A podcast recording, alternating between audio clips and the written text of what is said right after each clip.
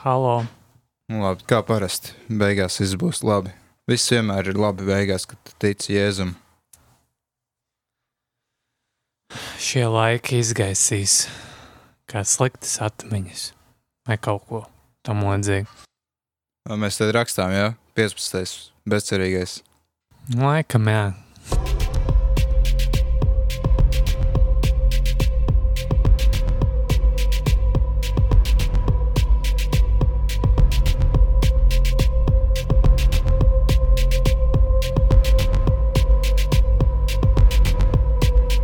Jā, kārtējā bezcerīgā sērija, bezcerīgajos laikos.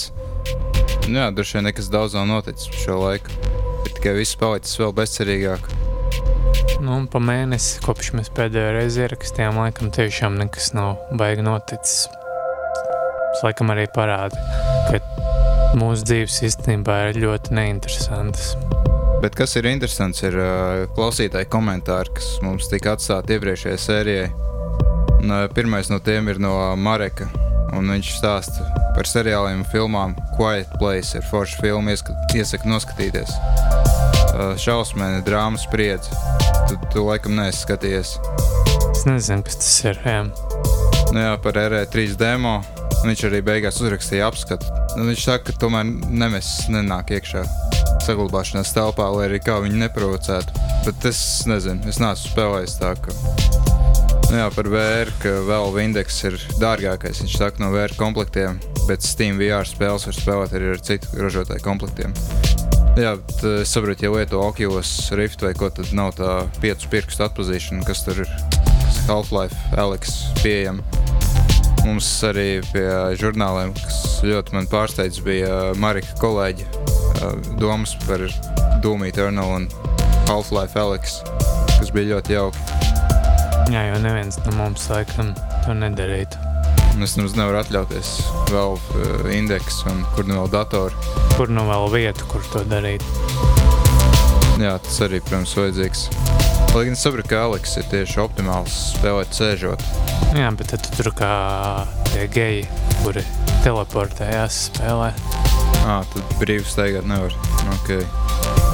Goodman uh, atstāja mums vesels 1, 2, 3, 4, 5, 5 komentārus. Izskatījās, ka viņš kā uh, ir tas SoundCloud un tur tu vari komentēt tieši. Ka, kamēr tu klausies tajā brīdī, tur parādās komentārs. Varbūt viņš domāja, ka sajauc enter pogu ar publicēt. Tad būtu interesants, interesants sajaukums. Viņa pirmais komentārs ir dienas vārds Hujovits. Forši, ka tev patīk.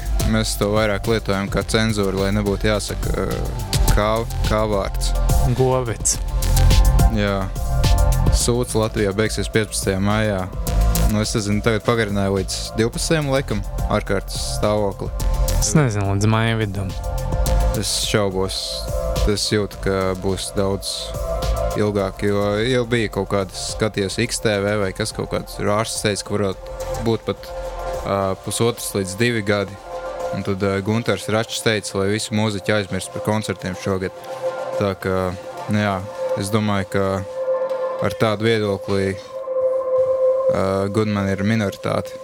Kurš domā, ka tik agri beigsies šitais? Nē, nu, kā jau ziņās Uga Dumpis teica, ka mēs esam aptuveni tajā trakākajā vietā. Epidēmijā, nē, bet pandēmijā. Nezinu, kāpēc vārds pandēmija man atgādina par pangasijas zivi. Nu, tu zini to lēto zivi, ko Jā. var remī nopirkt. Jā, tā Āzijā, kur viņi kaut kādā smirdīgā dīķī laikam vaudzē Jā. savās kakās.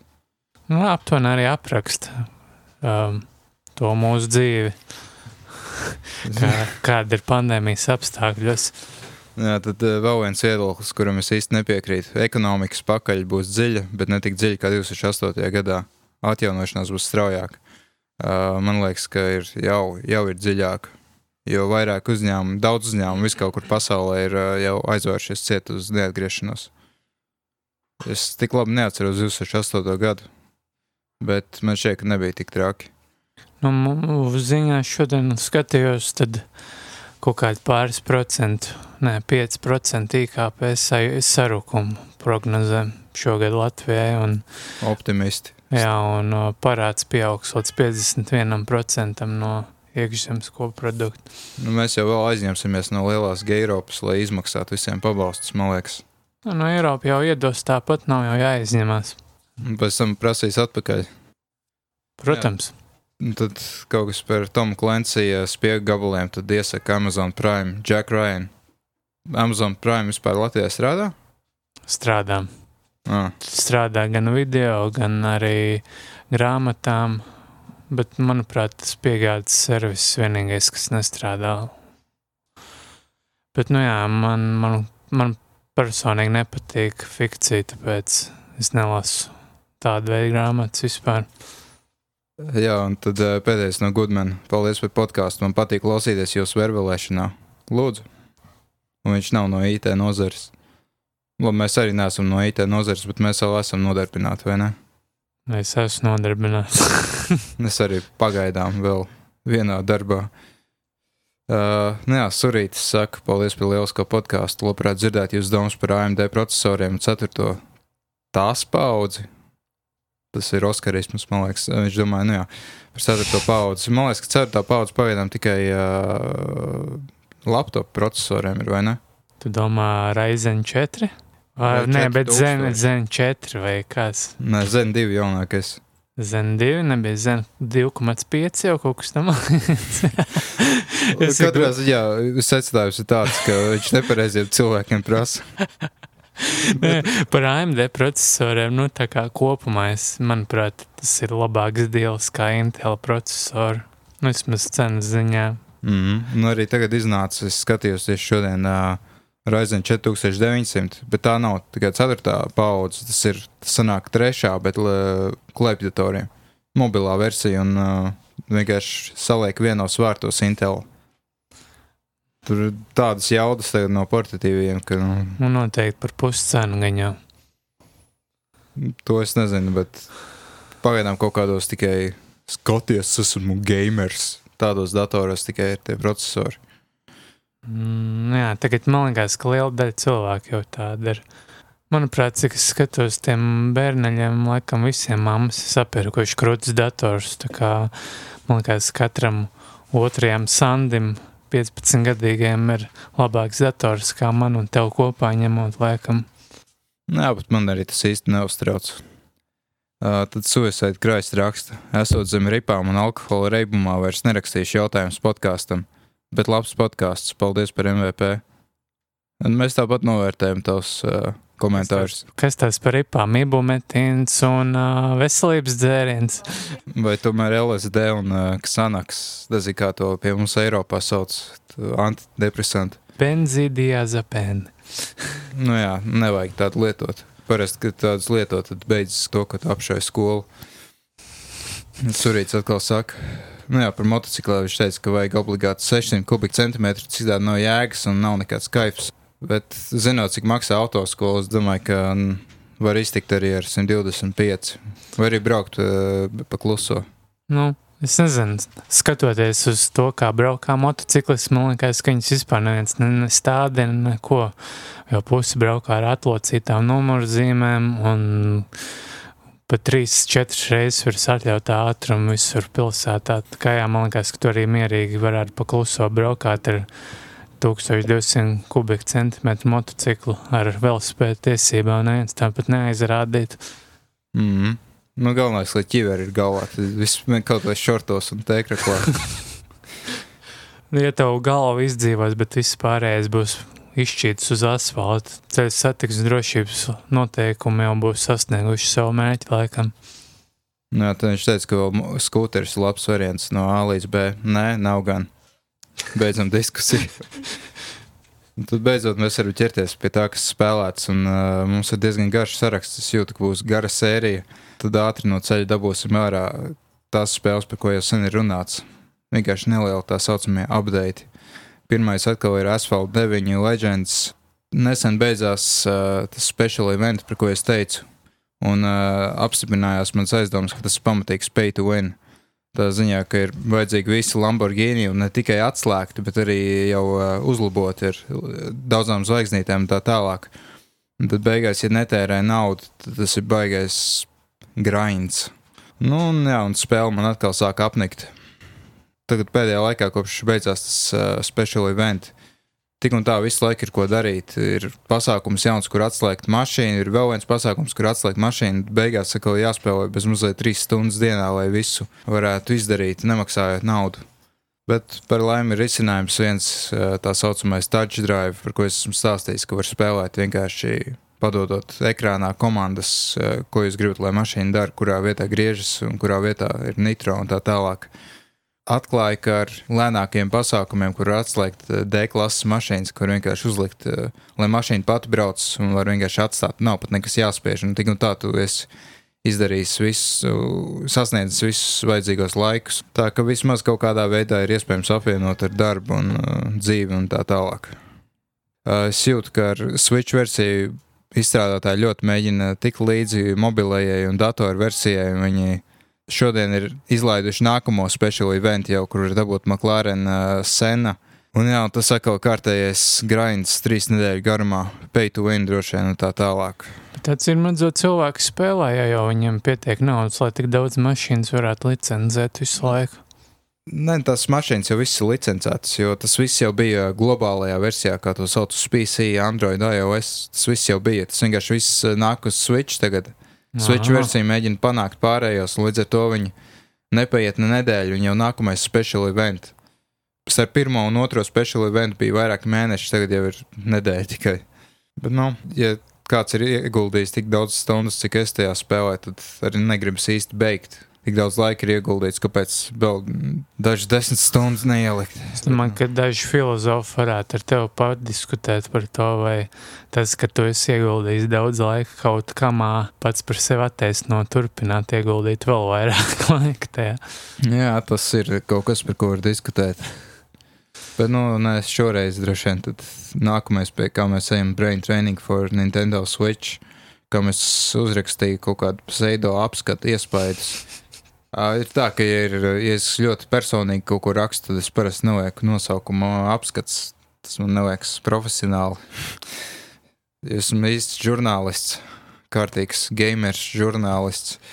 Ja lasiet uh, iespējas, tad jūs zināt, ka Brain Training for Nintendo Switch ir uh, spēle, kas ļauj vienlaikus izklaidēties un stimulēt prātu.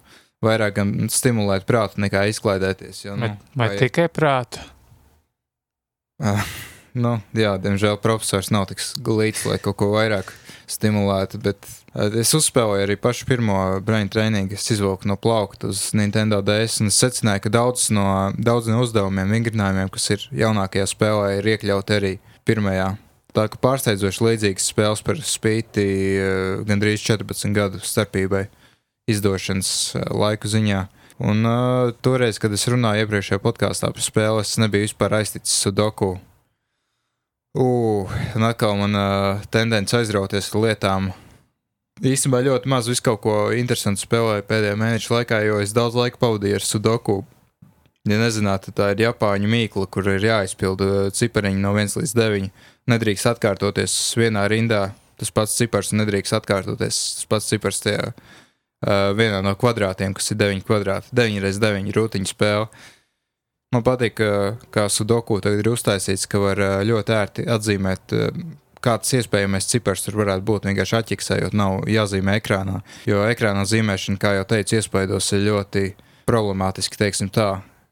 Kā jūs rādījāt nelielā video klipā, Strike kanālā, tad es uzzīmēju septītnieku, bet uh, spēlē to atpazīt kā divnieku. Sudoku tā ir mazāka problēma, jo tur nav ļoti jārēģē, tur vairāk ir jādomā. Un es teiktu, ka tā spēle tiešām stimulē smadzenes tieši sudoku. Nu, es spēlēju vienīgi, pirmo vienīgo reizi, laikam, uz no tevis palienātā DS brain training. Es atceros, ka bija šausmīgi garlaicīgi. Varbūt manai, cik, cik man gadu toreiz bija. Nu jā, ja senāk, pirms 15 gadiem, tad man bija 3 gadi, jā. Nu, tad, Jā, nu, dažas uh, no mini-spēlēm ir interesantākas par citām, piemēram, tas doku, ko es minēju. Nu, ir vēl tāds, kas man patīk, kur ir vienlaikus jāatzīmē apakšā ekrānam uh, lielākais cipars un augšā ir jālēc, jālēc pāri barjerām. Tas man liekas interesanti, bet jā, visādi citādi nav aizraujoši, ja nepatīk prāta spēles. Nākamā spēle, par ko īsi varētu pateikt, ir Blood and Truth. Uzrakstīja apskatu. Pagaidām mans favorīts no Playstation VR spēlēm. Lan Londonas, es, es gan arī pateicu London. Uh, Londonas gangsteru spēle, jāšauj ir pirmās personas šāvienu spēle. Obligāti jāspēlē ar Playstation Move pultīm. Es domāju, jo tad var brīvi tēmēt, jebkurā virzienā vienlaikus nošaut cilvēku ekrāna augšpusē un lejā un tā tālāk. Spēle diezgan laba, bet vēlreiz es stāstu negribētu iet, jo ne, nelikās nekas tāds baigi neparasts, aizraujošs. Ja esat redzējuši visu kaut kādas Holivudas asižeta filmas un angļu gangsteru filmas, tad nekas ļoti unikāls, interesants spēlē nav.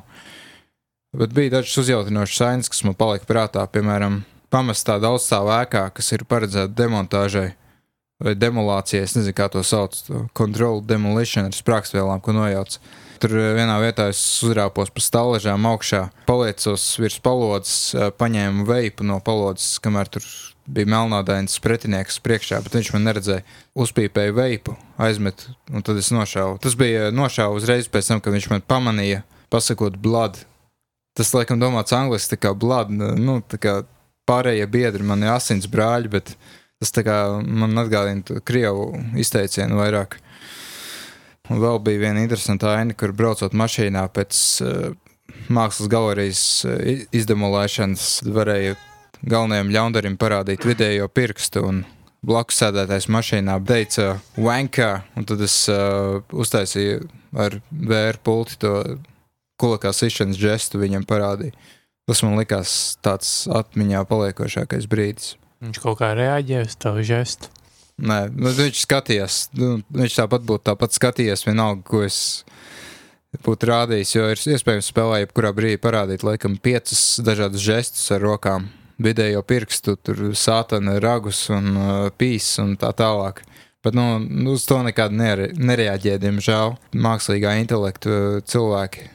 Bet tas droši vien būtu kaut kādam nākamās paudzes svēri, kur jau tiešām reaģē uz tavu darbību un tā tālāk. Spēlē kopumā nebija tik liela interaktivitāte kā, piemēram, Job Simulator, kur jebko var paņemt un aizmest un sadauzīt un tā tālāk. Tā jā, visādi citādi diezgan laba spēle. Šobrīd vēl var dabūt līdz mēneša beigām par uh, zemu cenu Playstation Network izpārdošanā. Nē, izpārdošana nav pareizais jēdziens akcijā, atlaidēs. Beidzot varam parunāt par kaut ko vairāk, ko ir spēlējis Fen. Un uh, tā ir Tom Clancy's The Division 2 atgriezies jautājums, kāpēc? Es atgriezos tāpēc, ka es apgraidoju savu video karti diezgan nesen un gribēju paskatīties, cik labi šī spēle salīdzinājumā strādā ar Playstation 4 versiju. Un es gribu teikt, ka 60 kadri ir liela atšķirība. Arī pels un tas turs ievads opcija arī ir daudz labāk ar kontrolieru spēlēt. Bet Jā. kā ar tavu uh, tēlu progresu, to visu vai tika pārnests? Nē, netika pārnests. Man Aha.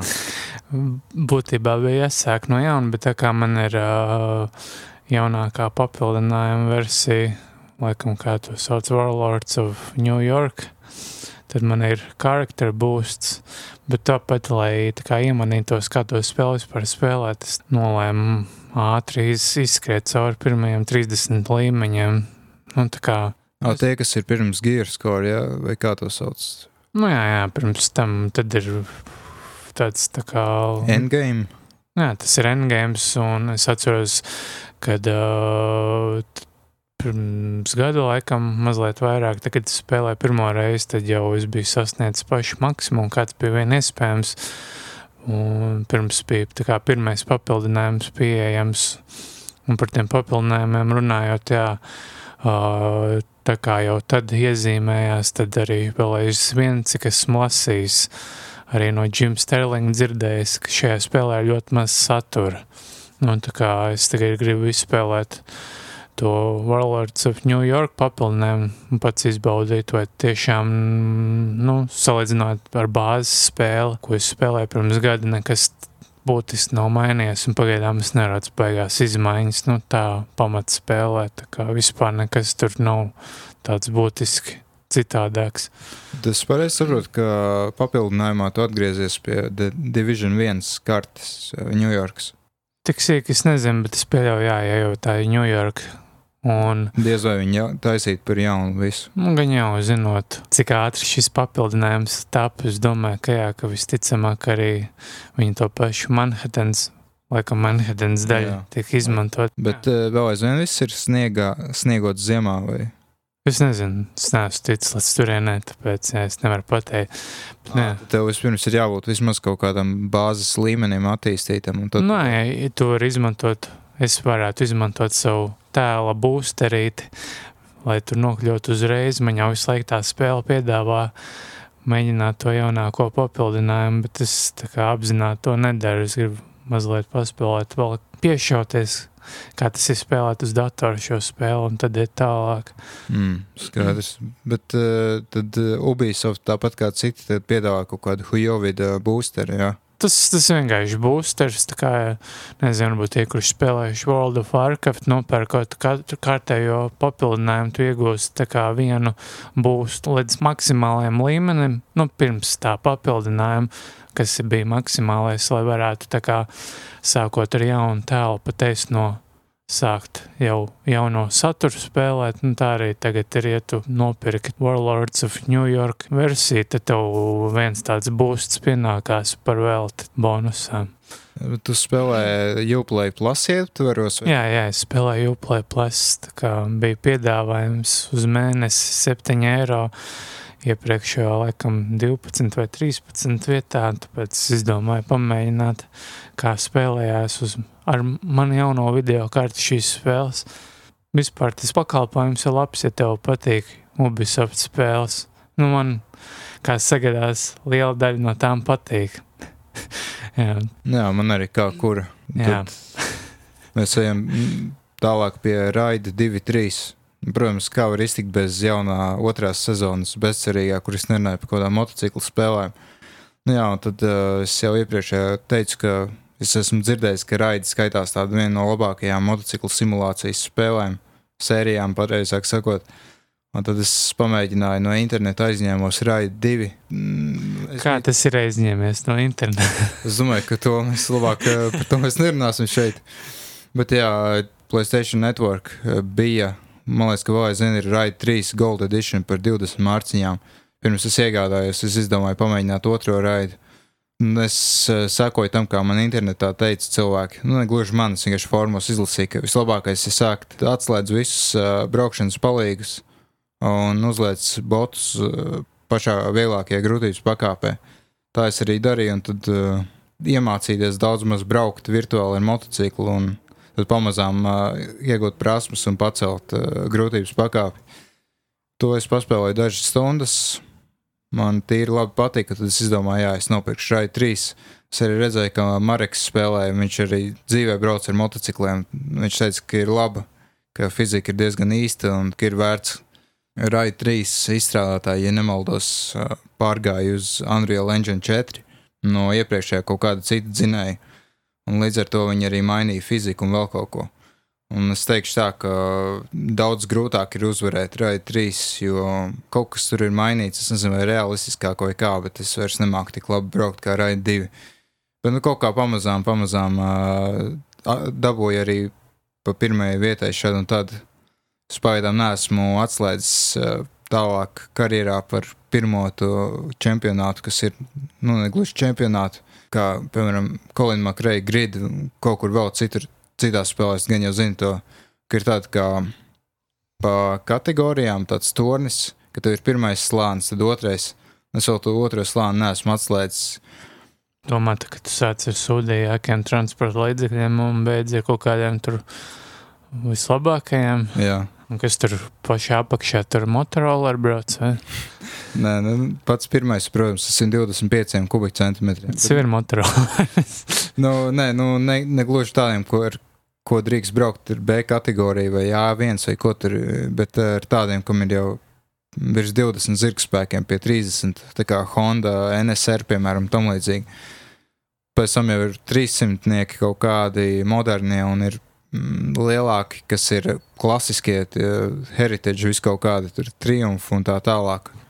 Nu, Zini, tos kafē tipi un tam līdzīgus Vai tas ir kafē, motocikli ar bēgu jaudīgiem? Man liekas, ka tur prikals ir tas, ka tie ir kaut kādi nedroši paštaisīti, kaut kādi no miskas izvilkti, atjaunoti motocikleti, kuri varbūt arī sūdīgi. Nu, tur ir tā, ka ir kaut kādi veci triumfi paņemti no nezinu, 60 gadiem un uztaisīti vienkārši modernākā, modernākā izpildījumā, bet saglabājot to vizuālo identitāti un tā tālāk tāda, ka pilnīgi pat tahometri nav, ka tur tikai spidometrs un tam līdzīgi. Nu, pagaidām esmu pirmajā kategorijā. Es jau pamazām 900 kubikcentimetru mo centimetru močus atslēdzu, jo ir pats pēdējais tajā kategorijā ir special event, mums vajag kaut kas tāds par Kawasaki ninja. Ar tiem es īsti netieku galā, man vēl jāpatrenējas. Bet jā, ir diezgan uh, forši. Bet viena lieta, ko es iera, ievēroju gan Raid 2, gan 3, ir tas, ka motocikliem ir par, norādīts uh, jaudas kritērijs, kaut kāds saucams PP, un tad ir performance kaut kāds points, vienalga kas, ir parādīts, kas ir minimālais, kas var būt maksimālais, kas, kas ir atļauts tajā konkrētajā turnīrā kaut kādā. Un es secināju, ka vairumā gadījumu vienkārši nopērkot moci, kas atbilst tiem punktiem, ka nevar tikt līdz pretiniekiem, vienkārši visu pabrauc garām. Un tā kā man Marks teica, ka ir vienkārši motociklis, pats pirmais, ko tu izdari, kad nopērci, uzlabo visu, tur riepas labāks, uzliec dzinēju un tā tālāk, visu maini. Un tad tikai ir motociklis konkurētspējīgs. Jo man šķiet, ka šīm spēlēm nav īsti tāda gumijas bandas efekta, rubber banding. Ja tu lēni vai slikti brauc, tad pretinieki nepagaida tevi. Un, ar, attiecīgi, arī ja tu ļoti labi brauc, tad viņi arī mākslīgi netiek pātrināti, kas ir forši bet arī savā ziņā nav forši. Turpināšu spēlēt. Un patīkam, ka Raid 3 ir arī neliels apmācības režīms, bet, nu, protams, es jau esmu ļoti gudrs, ļoti zinošs motociklos. Es to ignorēju un uzreiz pie sacīkstiem devos. Bet droši vien vajadzētu kaut kādā brīdī, jo man vēl aizvien ir nelielas neskaidrības, kurā brīdī ir priekšējo bremzi jābremzē, kurā ir aizmugurējo daru tā, ka es vienkārši abas divas lietoju, bet nespiežu līdz galam priekšā, jo, tad mocis sāk grieļoties un mm, braucējs nokrīt. Spēlēja no pirmās personas, bet kā tāds lūzers no trešās. Nē, no pirmās. Lai gan man vajadzētu iemācīties no trešās, jo ar trešo spēlējot trešās personas kameru, tu redz, kā tavs braucējs kustas, visu to, kā viņš sanes svaru un tā tālāk.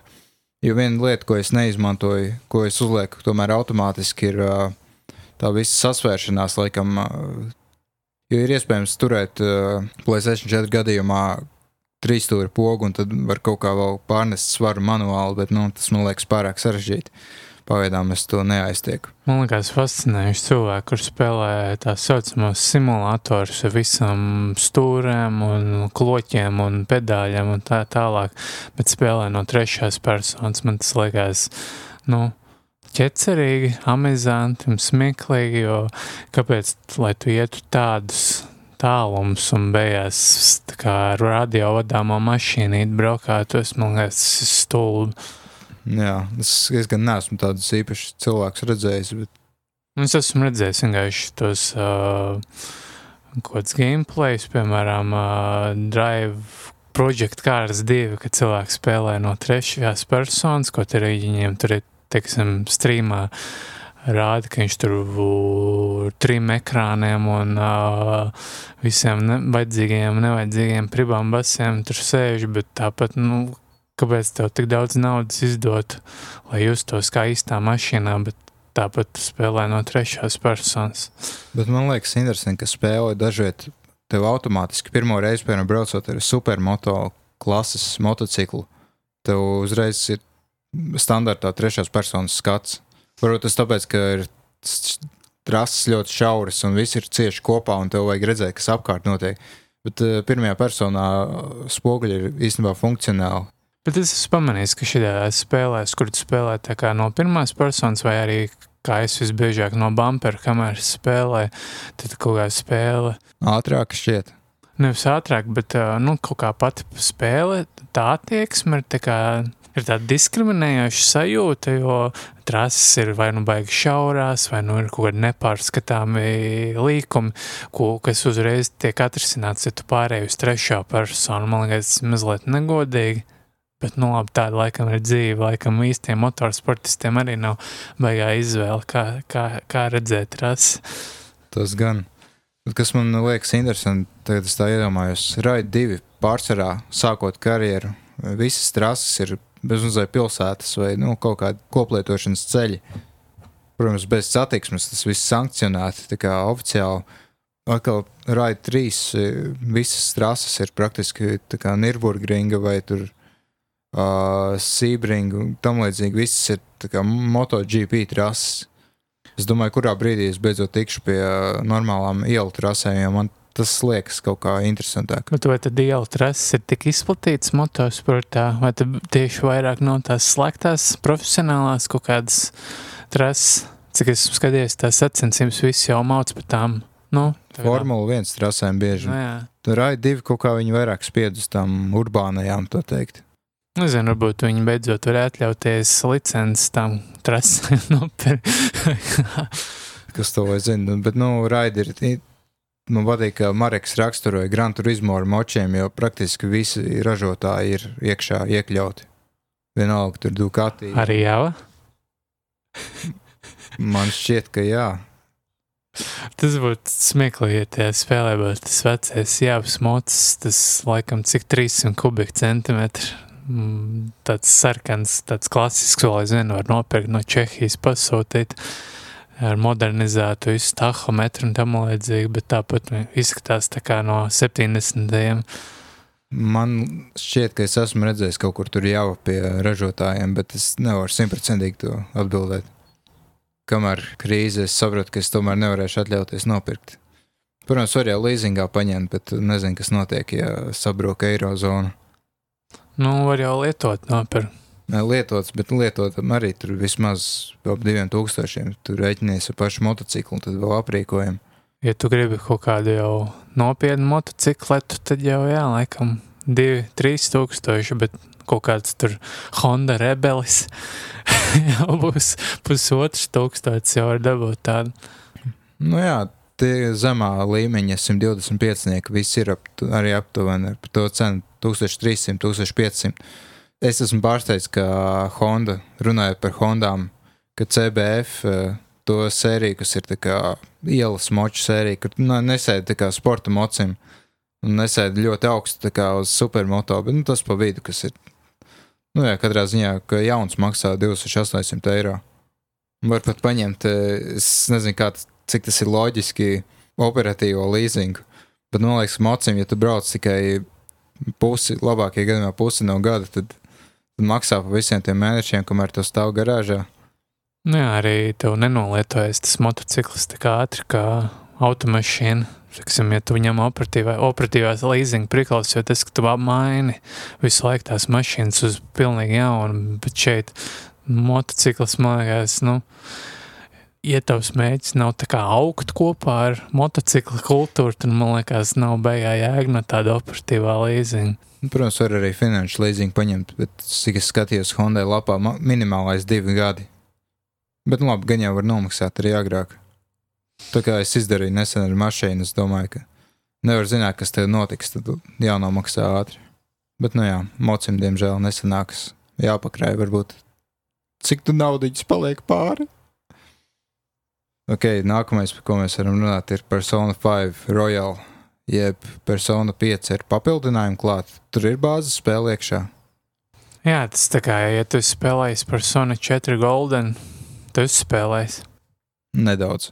Tad tas ir tas pats praktiski, tev ir bāzes spēle ar visiem, kā lai izskaidro, piemēram, tas nav tā kā, piemēram, uh, Assassin's Creed Origins Gold Edition, kurā ir tā kā season pass iekšā. Jā, šeit ir tāds saturs, kāds nekad nav bijis pieejams patērētājiem. Te ir uh, pa jaunu izdot spēle, kur ir uh, uzlabot ar vismaz vēl 50 stundām saturu, vēl visādi dažādi uh, quality of life uzlabojumi un visādi citi sīkumi ir pielikt klāt un kaitinošās lietas ir nogrieztas no, no kaut kas tam līdzīgs, teiksim, tas būtu kaut kāds definitive edition, ultimate edition, nezinu, nu, piemēram, kaut kas Witcher 3 enhanced, kaut kas, nu labi, vienalga. Bet uh, tu nevari tā vienkārši paņemt, nopirkt kā DLC to papildinājumu. Tev ir jāpērk uzreiz. Jā, tu nopērci tā kā uzreiz, tā ir pilna 60 eiro spēle.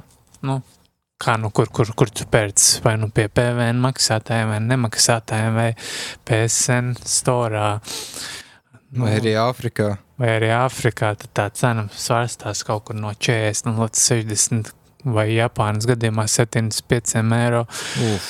Jā, nu Japānā spēles ir dārgākas standartā, tas ir, tas, tas ir fakts. Ko lai pasakām par pamata spēli, bet jau no paša pirmā, pie, pašām pirmajām minūtēm jau redzami, redzams tās atšķirības, kuras ir ieviestas, piemēram, jau saskaramies ar jauno spēlējamo varoni, kurš gan lietojams nav līdz spēles kaut kur vidus, vidusdaļai, jā, bet tu jau saskaries, piemēram, Uh, vēl viens manāms, ļoti manāms uzlabojums ir tas, ka, piemēram, zini, Japāņu spēlēm, tad, kad ir dialogi, ir ļoti klasiski, ka, ka parādās tāda statiska seja, un mm tad ir teksts, un kā kurai spēlē varbūt ir ierunāts, varbūt nav ierunāts. Nu, Persona 5 standartā bija ierunāts, bet kā parādījās varoņa portrets vai sejas izteiksme, kāda ir nu, konkrēti. Bet šajā Royal versijā tas portrets ir animēts, piemēram. Jā, tā kā deep fake. Nu jā, bet šis tā kā ir tā kā animēts, un tu redzi tā kā, piemēram, kā viņam kustās mute, kas iepriekš nebija. Nu, tas ir tāds jau manāmākais, tas, nu, uzla, neuzlabojums, bet nu, tāds tā kā visuāli uzlabojums. Un arī ir kā noņemta kaut kāda vizuālie, tā kā visādi elementi, kāda bija oriģinālajā spēlē. Piemēram, man sieva jau norādīja, ka oriģinālajā spēlē, piemēram, tad, kad spēlētājs atrodas labirintā, tad tā kā rāmis ir tāds ļoti krāsains un mirgojošs, tad Royal versijā tas efekts ir ļoti pie, nu, samazināts, tā kā nekrīt vairs acīs tik ļoti un ir daudz lielāka redzamā zona. Jā, vai laikam vajadzēja sākt ar to, kas ir Persona 5. Laikam jau mans vecais apskats oriģinālajai spēlē ir pazudis nebūtībā līdz ar to. Jā, jā šī tā kā ir klasiski Japāņu tipa lomu spēle. Atšķirība ir tāda, ka spēle tā kā ir papildināta ar attiecību simulātoru un tā kā skolas simulātoru un visam paralēli notiek arī cīņa ar monstriem. Spēlētājs ir varonis Japānā, konkrētā Tokijā, kurš kā sākotnēji dzīvoja mazpilsētā, bet kaut kādu notiku, notikumu iespējā ir spiests pārvākties uz Tokiju un dzīvo tur pie nepazīstama vīrieša, vecāka vīrieša, un mācās Šuģina akadēmijā, kas, protams, ir izdomāta akadēmija, bet pirmajā dienā jau varonis saskarās ar pārdabiskiem elementiem, uh, nokļūšanu paralēlajā dimensijā un visādiem monstriem un arvien tālāk, tālāk stāstam attīstoties uh, spēlētājs tā kā atklāja visādas lietas, nu, konkrētāk šī spēle ir par apdāvinātiem jauniešiem vai nu, par apdāvinātiem jauniešiem tas tā, bet vairāk tas ir par tādu grupas mentalitāti un cik ļoti uh, svarīgi ir nebūt dīvainam, bet. Konformistam, jā. Nē, nē, nu, jā, nu nebūt konformistam, tā kā, nu, nepadoties. Sabiedrības spiedienam. Jā, sabiedrības spiedienam, tā kā būt citādākam un būt drošākam par to, ka pat ja tu esi dīvains, absolūtākais vienmēr būs kāds viens vai divi tieši tādi paši dīvaini pasaulē, un tāpēc, nu, tu neesi viens, lai arī kas tu būtu, un tāpēc, nu, nepadodies un turpini cīnīties un būt uh, tādi dīvaini, kā tu savācoties lielākā grupiņā, varbūt arī varēs panākt lielākas izmaiņas sabiedrībā. Nu, tas ir tas, tas stāsts, kas ir tajā spēlē apakšā. Protams, es tur nevienam nebojāšu, īpaši Ekingam, cik es zinu, viņš arī ir nopirkt šo spēli, nezinu, vai viņš spēlē vai nē, bet, nu, jā. Viņš ļoti daudz spēlē, man liekas, viņš varētu divreiz vairāk pastāstīt par mūsu spēlēm. Nu jā, man, man teiksim, ne laika, ne gribēšanas nav laikam spēlēt spēles, kā viņam. Jā, nu man tagad ir tā, ka negribas īsti neko jaunu uzsākt. Gribas pie pazīstamām lietām atgriezties kaut kā tā. Jā, es arī pēdējā laikā spēlēju kaut kādus vecākus sūdus, kurus jau esmu spēlējis pagātnē. Nu, persona pieci, nu, jau ir spēlēta pagātnē, bet, nu, man tā kā ir daudz, kas jauns šajā nosacītajā papildinājumā, tad man kaut kā arī ir mazliet bail pieķerties mm. dziļāk šajā spēlē. Bet eh, vai nav tā, ka tu vari uzreiz ielikt tajā jaunajā saturā, ka tu vari izlaist to visu? Pamat? Nē, nevar tev no jauna viss jāspēlē. Tā kā ļoti slikti tas, jo, piemēram, ja tu izspēlē oriģinālo spēli, tad tu varēsi sākt vēl, vēl vienu reizi spēli, tā kā New Game Plus ar jau nu, uzlabojumiem, kādi jau tev bija, kuri ļoti grūti nāk šajā spēlē. Un tāpēc tev ļoti daudz jāčakarējas, un tu zaudē daudz dārgā laika, kas šajā spēlē ir svarīgi, kačājot kaut kādus skillus. Jā, nu, šeit jāsāk viss no nulles, bet, nu, par laimi man, es zinu, kā to efektīvāk tagad savu laiku menedžēt, nu, jā, ok. Tāpēc nav daudz zaudēts. Jā, man liekas, tāda mazliet necieņa pret spēlētāju. Tev ir pirmkārt jāiztērē 60 eiro atkal, otrkārt tev ir jāsāk viss no sākuma. Nē, nu, no vienas puses, jā, bet no otras puses. Bet tagad tā ir tava mīļākā spēle, tad var jā. piedot.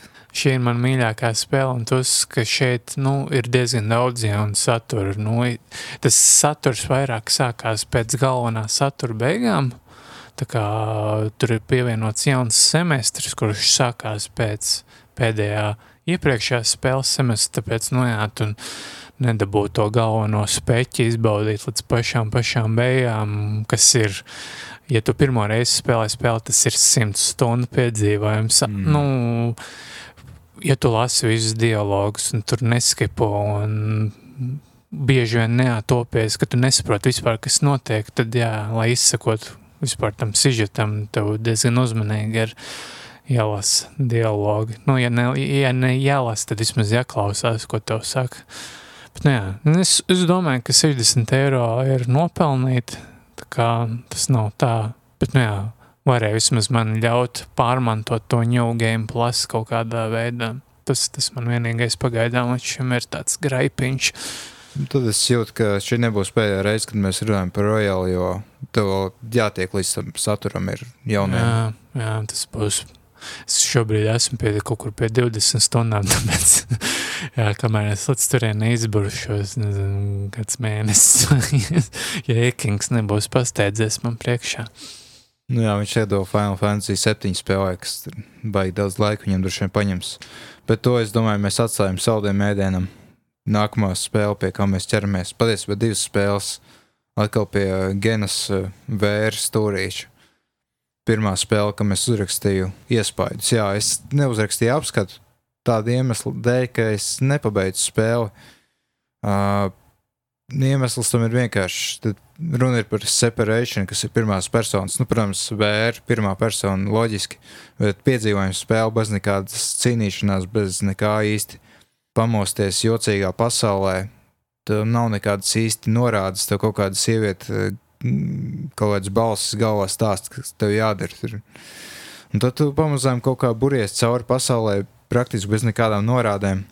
Cerot, ka tas viens izstrādātājs, viens cilvēks to spēli ir uztaisījis, ka viņš ir gan saprotami iz, izveidojis pasauli un uh, mīklas un visu pārējo, lai pārāk nemaldītos apkārt. Pirmo pusstundu viņam tas daudz maz izdodas, spēlē mēs nonākam vienā brīdī pie kaut kāda šķiet cilvēka radīta uh, aparāta, nobraucot lejā ar liftu kaut kādā megalītiskā iekārtā, es nezinu, uh, aktivizējam senu enerģiju, pēc tam tā, tā enerģija ir jāizvada caur obeliskiem, jeb falaskiem simboliem. Nu, es nezinu, kāpēc viņi ir izvēlējušies obelisku kā enerģijas vadītāju, bet nu labi. Tas varbūt viņiem kaut kādas zināšanas ir par uh, senāku vēsturi nu, nu, labi, es nezinu, neņemšu spriest. Nu, kārtējā jocīgā spēle, kas ir uz Playstation platformas kādas. Sākumā ir diezgan vēl ok. Šādi tad sanāk, grafika ir tā kā, es nezinu, izstāsta no 90. gadiem taisīt ar Unreal Engine 1, to Unreal Editor, teiksim tā, tikai ar modernākiem efektiem, augstākā izšķirtspējā. Tajā staigājumā pa sniegot pasauli ir daudz skaistu skatu. Diezgan viegli bieži ir palaist garām kaut kādus slēdžus, tur blandīties apkārt. Bet pavisam traki paliek tajā brīdī, kad mēs tiekam pie laivas un mēs varam pa tukšo pasauli braukāt apkārt laivā Un, uh, kā parasti ir piedzīvojums spēlēs, kad tu kaut kur uh, dodies, kaut kur izpētīt, kaut ko nu, nedodies tajā virzienā, kurā tev vajadzētu. Lai gan šajā spēlē nevar saprast to virzienu. Parasti tiek atalgots, ka tu aizbrauc kaut kur tālāk, atrod kaut kādu dārgumu. Šeit nekā tam līdzīga nav. Vienkārši skuju nobrauc pusstundu, meklējot kaut ko un neatrod neko. Tas ir diezgan stulbi. Ir uh, daži savācami priekšmeti, Un tas ir jocīgi, savācamie priekšmeti ir vienīgais veids, kā saglabāt spēli. Mēs atrodam kaut kādu rozi vai ko, un tad, tad tiek tikai saglabāts progress. Katrā ziņā ļoti arhaisks dizains. Es jau uh, rakstā stāstīju, ka iesāku, ka nu, ir forši strādāt vienam, bet reizēm tu, tu nesaproti vairs, ko tu dari. Tev nav neviens, kas var pateikt, tev, bet šitā nevajag darīt, labāk pārdomā. Spēle nedod nekādas norādes, līdz ar to jāblandās apkārt. Ir, Es beidzu spēlēt tajā brīdī, kad es nesapratu, kur jāiet tālāk. Izrādījās, ka varēja vienu priekšmetu pasaulē apgriezt apkārt, eh, glaznu apgriezt otrā, un tad būtu attaisījušās durvis. Nu, jā, tas pateica, ka man pietiek šīm muļķībām. Es spēli var iziet divās stundās, bet tur, kur es tiku, var tikt vienā stundā. Tas jau bija pavadījis vairāk nekā divas stundas, blandoties apkārt, nu, galīgi garām. Tas tā kā walking simulators pašā trakākajā izpausmē.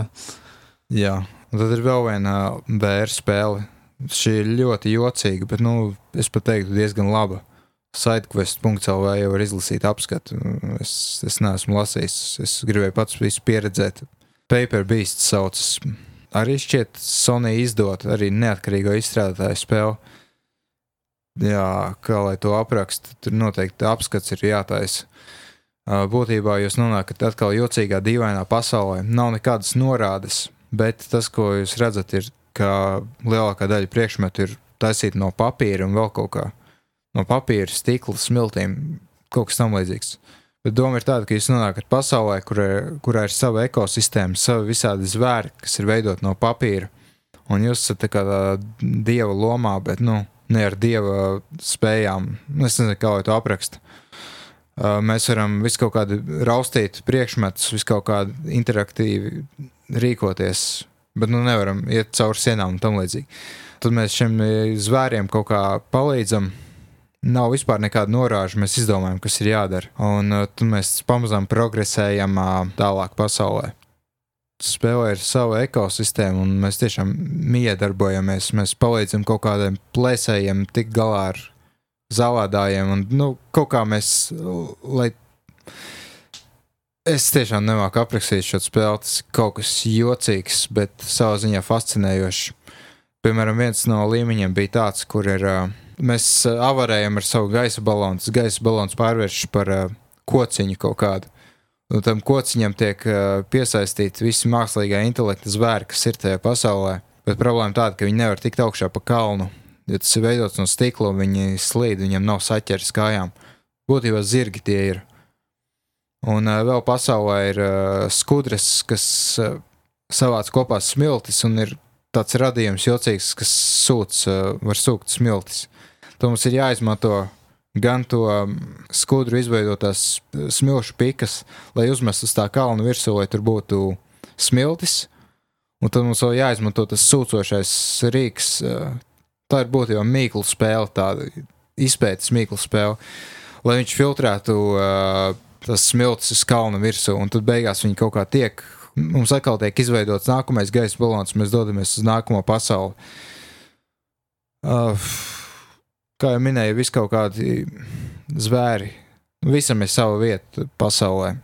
Mākslīgā intelekta radīta uh, daba tur ir, ar ko mēs miedarbojamies.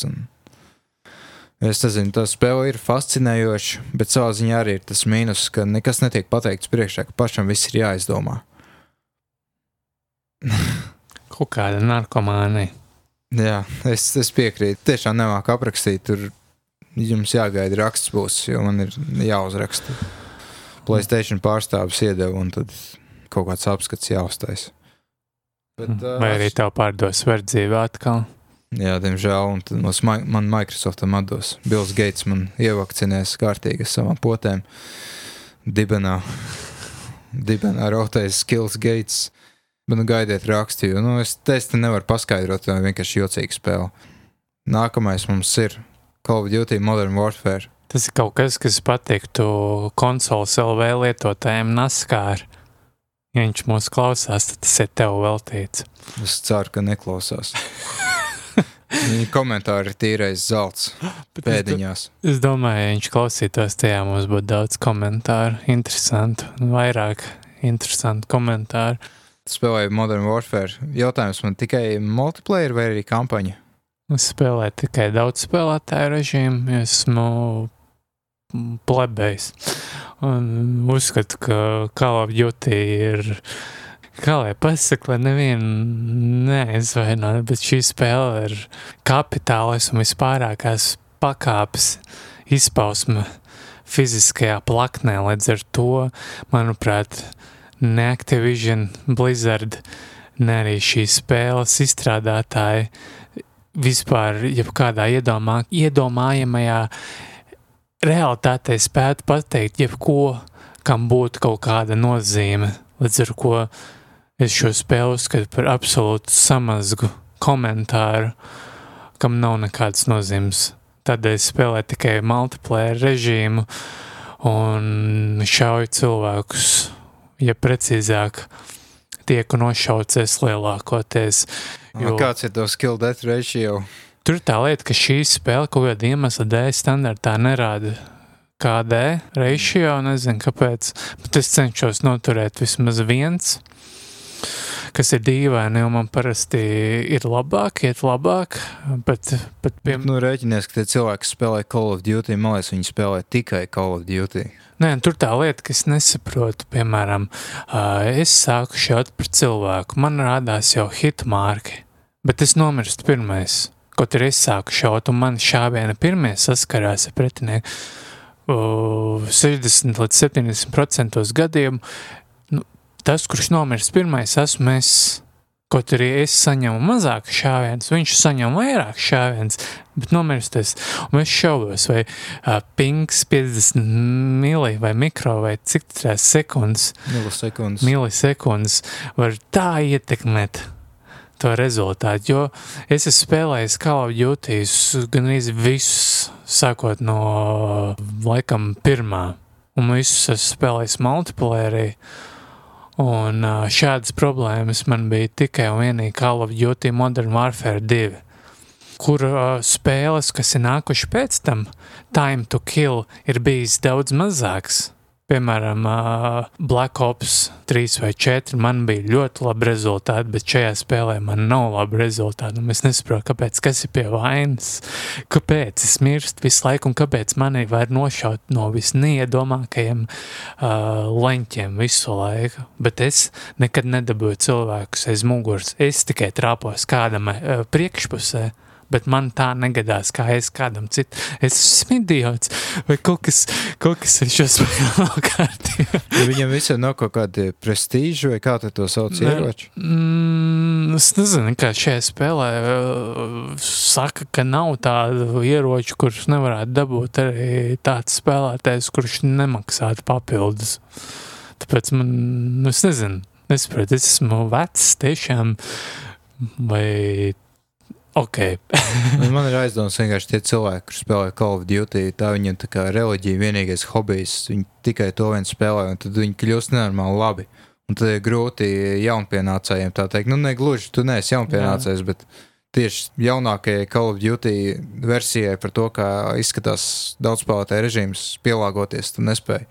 Nu, es saprotu, varbūt, jā, ka tur viss ir krieviski izsakoties zadrot, un es esmu kaut kāds nūbērs, kurš pēc vairāk gadu pārtraukuma beidzot ir piesēdies pie Call of Duty datoru versijas, bet, bet nu jā, sākumā man likās, o, oh, šī spēle ļoti atgādina Modern Warfare 3, kurā es esmu savu laiku ieguldījis 700-800 stundas daudzspēlētā režīmā, un kurā man ir, nu, viss atslēgts maksimums, esmu viskrutākais tajā spēlē, bet šeit pēc kaut kāda brīža es sapratu, ka tā nav, ka es esmu riktīgs nulle gan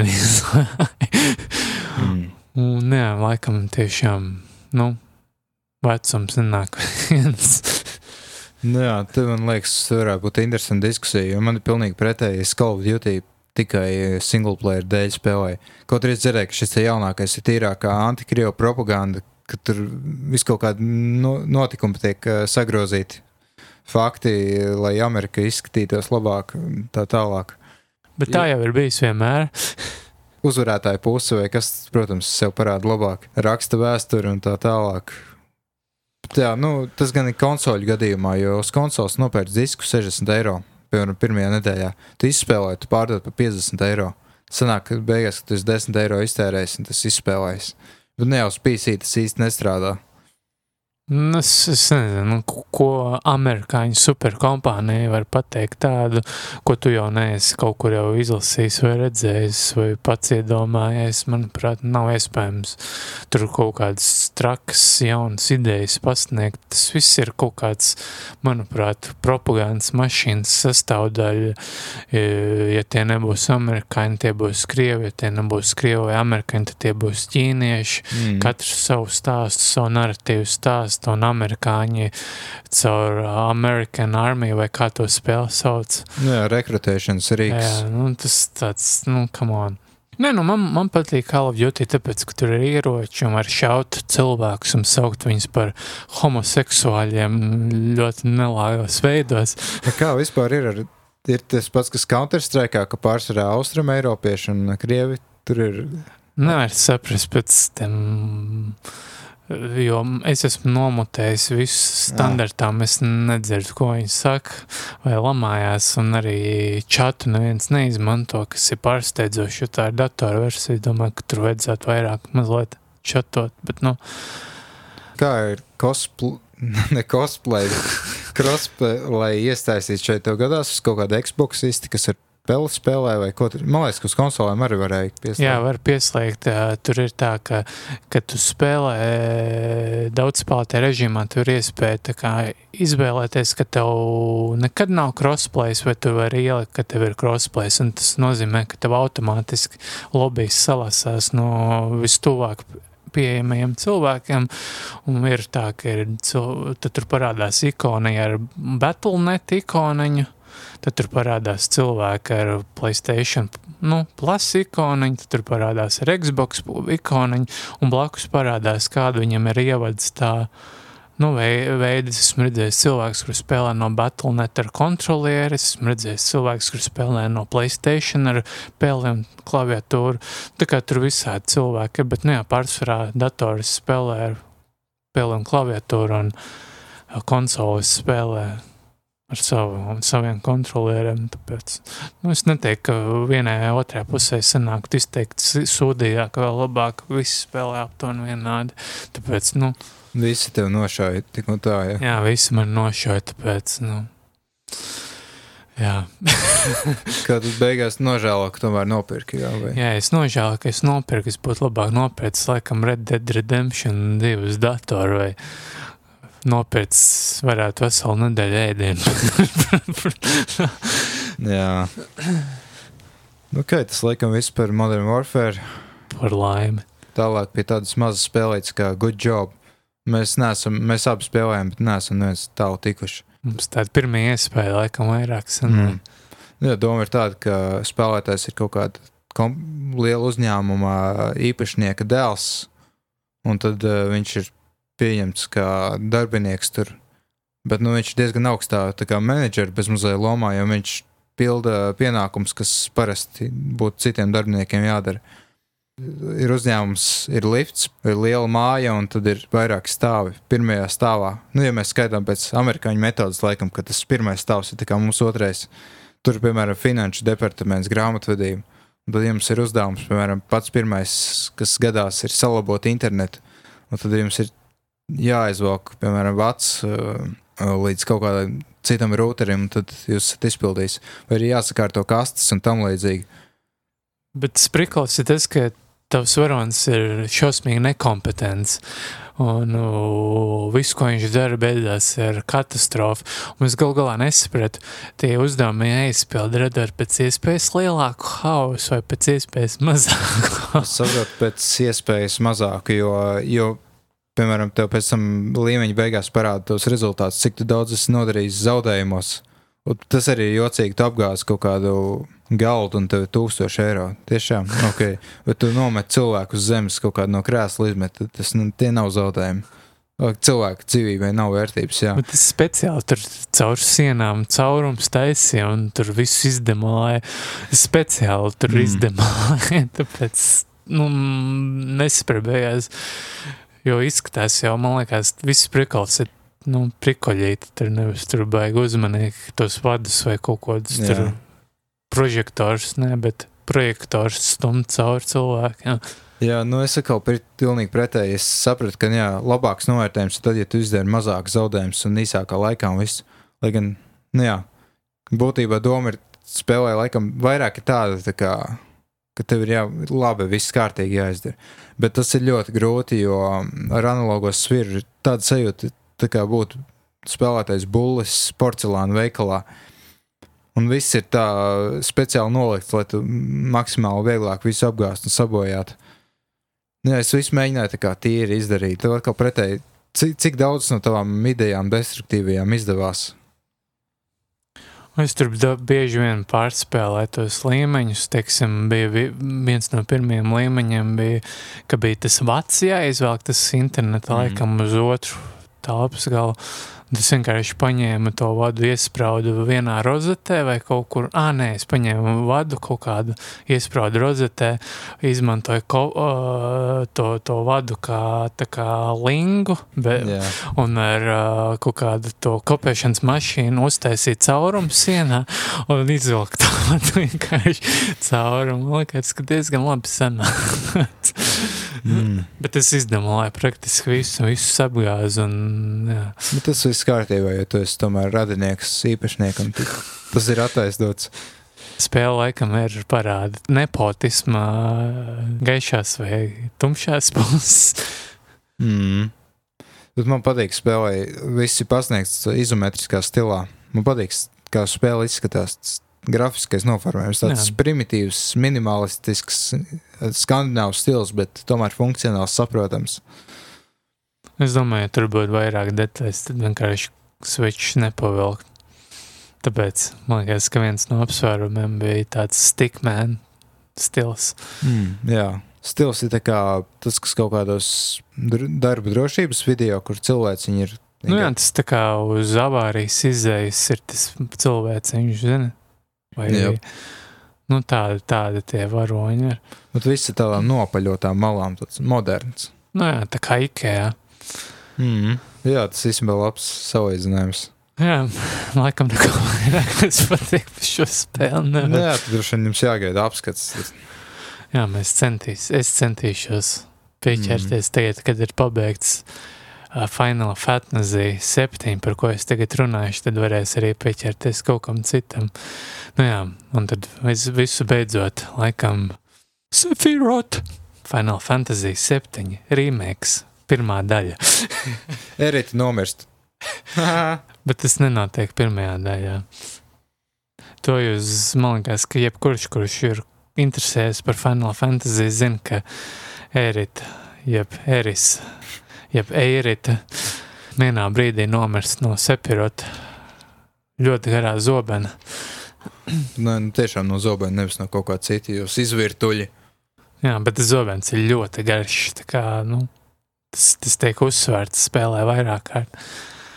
Jā. Nu, jā, mēs šādas notas, es dzirdēju, ka Tifa esot izslāpusi, tā kā pēc vēlna, tā tas tiešām ir. Thirsty as fuck, kā teica. Nu, nogribējusies, kā mm. traki. Bet... Es nezinu, vai tā ir tīfa. Vairāk, vairāk ir viena no Avalanche, jeb, kā es apskatā nosauc lavīnas, ekoterroristu grupas uh, dalībniecem Jessie ir tāda ļoti... Nā, tā sarkano, jā. Jā, ar to sarkano bantebu galvu. Un viņa, tā, viņa ir ļoti daudz seksuāli nevainīgu tekstu viscaur. Arī jau, man liekas, tie, kur spēlē demo, jau vairākus šādus momentus varēja noķert. Bet, nu, man liekas, ka viņa viss izslāpušākā. Bet Tifa, Tifa, nu, man liekas, Tifa ir tāds diezgan balansēts tēls. Viņai nav ne tāda baigo eksesu nekas, bet viņa tāda arī Pagaidām es nezinu, lai neieslēgtu kaut kādos spoileros, laikam, vajag tur nestāstīšu, bet, nu, gal galā. Viena no zināmākajām uh, JRPG žanra spēlēm ir pārtaisīta pa jaunu. Es saprotu, ka direktors, režisors, tā ir latviski, ir tas pats, kas tagad Kingdom Hearts, vai ne? Jā, tas pats, jo, un man liekas, ka Square Enix ir izdarījis pareizo izvēli pārējāt no uh, es neteiktu, ka sarežģītākiem piedzīvojumiem, bet no ļoti pretenzioziem piedzīvojumiem, kurš sākās jau ar 12. sērijas daļu pie vienkāršākiem piedzīvojumiem, kurus jau, nu jā, Kingdom Cards, Hearts, Cards, ja to var nosaukt par vienkāršu piedzīvojumu. Domāju, ka ne. Jā, bet, nu, režisors centās glābt, ko vispār varēja glābt no tās misijas, kas tur ir sateicis mm. gada kārtā. Bet, nu, jā, Final Fantasy 7 remakes tā kā iezīmē, manuprāt, ļoti jaunu pieeju un jaunu ēru Square Enix spēlēs. Nu, tā kā mēs atgriežamies pie uh, laba un saprotama storytellinga, nezinu, kā nav nosaukt, un ka beidzot tu piesēdies pie spēles un tur izbaudīji to spēli, un ka tev nav tur miljoniem blakus nodarbi, ka viņi ir atmetoši visus ubisoftismus, visus rockstārismus, visus citus bullshits, un beidzot mums ir tīrs Final Fantasy piedzīvojums kā no 90. gadiem. Un, godīgi sakot, man reāli bija pie, pietrūkuši šādu tipu spēles, kas ir vienkāršas un tu, tas ir tas, ko tu saņem un viss, ka tur nav kaut kāda tur tūkstošiem narratīvu apakšā. Jā. Es saprotu, ka blakus saturs ir ļoti maz. Jā, maz satura, blakus ir pāris blakus uzdevumi, nu ne pāris kaut kādi patsmit, nav tūkstošiem vai procedurāli ģenerēti, es nezinu, kā to latvijas vai ne. Mm. Jā, ka šeit tu vari izvēlēties to pildīt vai nepildīt, un tas pilnīgi nekādu iespēju uz stāstu neatstāja. Un arī tavām iespējām, spējām pabeigt spēli, tas neko neatstāja. Arī nav būtiski, vai tev ir vislabākie vai vissliktākie ieroči vai aprīkojums tev ir nu, iespēja pabeigt spēli, jo aprīkojam savu kopā ar tevi un tu konstanti iegūst jaunas spējas un spēju iegūšana nav piesaistīta kaut kādam konkrētām tavām izvēlēm, bet gan uh, matērijas kristāliem, kurus tu savāc vienkārši visur pasaulē, jo tie kristāli ir tas, kas tev dod spēju, piemēram, um, fire maģija dod matērijas kristāls, nevis tas, vai tavs varonis ir vai nav maks, jo jebkurš var būt vislabākais maks, pat barets, kurš ir klasiski tanka, tanka lomu ieņemošais varonis šajā spēlē. Uz fiziskiem uzbrukumiem. Nu, ar kuriem. fiziskiem viņš arī ir tas, kurš uzsūc visvairāk uzbrukums, tā kā viņam arī ir tas HP stats visstraujāk aug no visiem varoņiem. Nu jā, šī spēle, manuprāt, ir ļoti laba, jo Tā kā ir ļoti balansēts, nu, tāds koncentrēts sižets, un tu jebkurā brīdī piesēžoties pēc ilgāka vai īsāka pārtraukuma saproti, kur tu esi palicis, un jā, spēle pasaka tev saprotamā veidā, kas notiks tālāk, un jā. Man ir jautājums, ja tik maz blakus satura ir, kā viņiem ir izdevies spēle tik ļoti izstiepta, ņemot vērā, ka tā ir tikai trešdaļa no oriģināla vai kaut kas tamlīdzīgs. Jā, pat mazāk šīs pirmās sešas stundas no oriģinālās spēles, jo wow. oriģinālā spēle bija 50 stundām, tad, nu jā, tad tur matemātiski izrēķināt.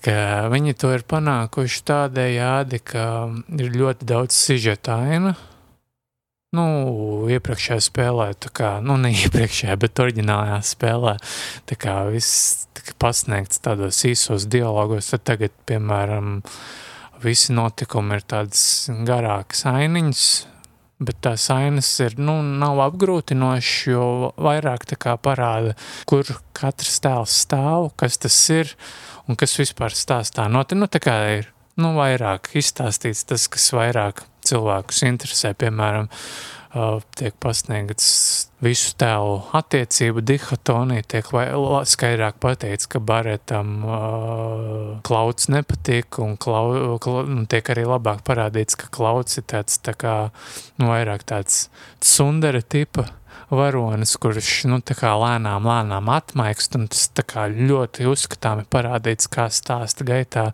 Mainās viņu attiecības, un man ļoti tas patika, ka, nu, tas tā tiek parādīts nevis tā ar kaut kādiem diskonekt, nu, piemēram, uh, klauds vienā brīdī ir augsts un nākamajā viņš ir silts, bet ļoti labi viņš pakāpeniski tā kā atmaikst, un tas tā, nu, sen nebija redzējis tādu labu storytelling. Jā, un Vispār es gribēju kā visu to spēles būtību kā aprakstīt tādējādi, ka, nu, iedomājies, ka tu skaties rockoperu, bet tādu rockoperu, kurš tev sagrābēs pautiem un, nu, nelaiž vaļā, tā kā tu visu laiku. Auč. Nu, tā kā, tā kā tev visu laiku, tas, nu, tā ka, nu, tas nevis visu laiku, bet pareizāk būtu sakot ar tādiem tā kā pulsiem, nu, ir viena tā arciņa, un tad tev tur visu laiku sirds daudzās, tā, oh, kas notiks, un visu laiku tu tur, tad tu tur skrien pa kaut kādu tur mako reaktoru, tad nākamajā brīdī tu jau tur cīnies ar visādiem tur monstriem, un tad trešajā brīdī tu brauc ar motocikliem, un ceturtajā brīdī tu cīnies kaut kādu neadekvātu motociklu karēvi, kurš tur savējos slepkavo un tur smējās kā manieks, un tas, tas viss notiek pirmajās divās spēles stundās, un tad atkal ir kaut kāds downtimes, un, piemēram, spēles beigās, man liekas, ka pēdējās piecas stundas es vienkārši, man bija tāds adrenalīns no tās spēles, jo tur non-stopā notika viss kaut kas, tas vienkārši tā spēle par spīti, ka varētu teikt, ka ir tāda izstiepta, bet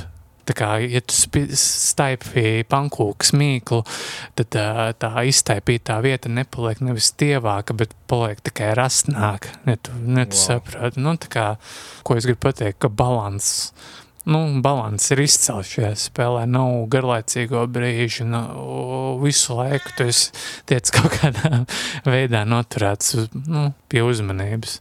Tad jau veiksmīgi kopumā Es teiktu, Kā jau jebkurš var to saprast, izlasot tavu apskatu? Es teiktu, ka ļoti veiksmīgi spēlē. Protams, ir savas sliktās puses, piemēram, grafiskās nedienas.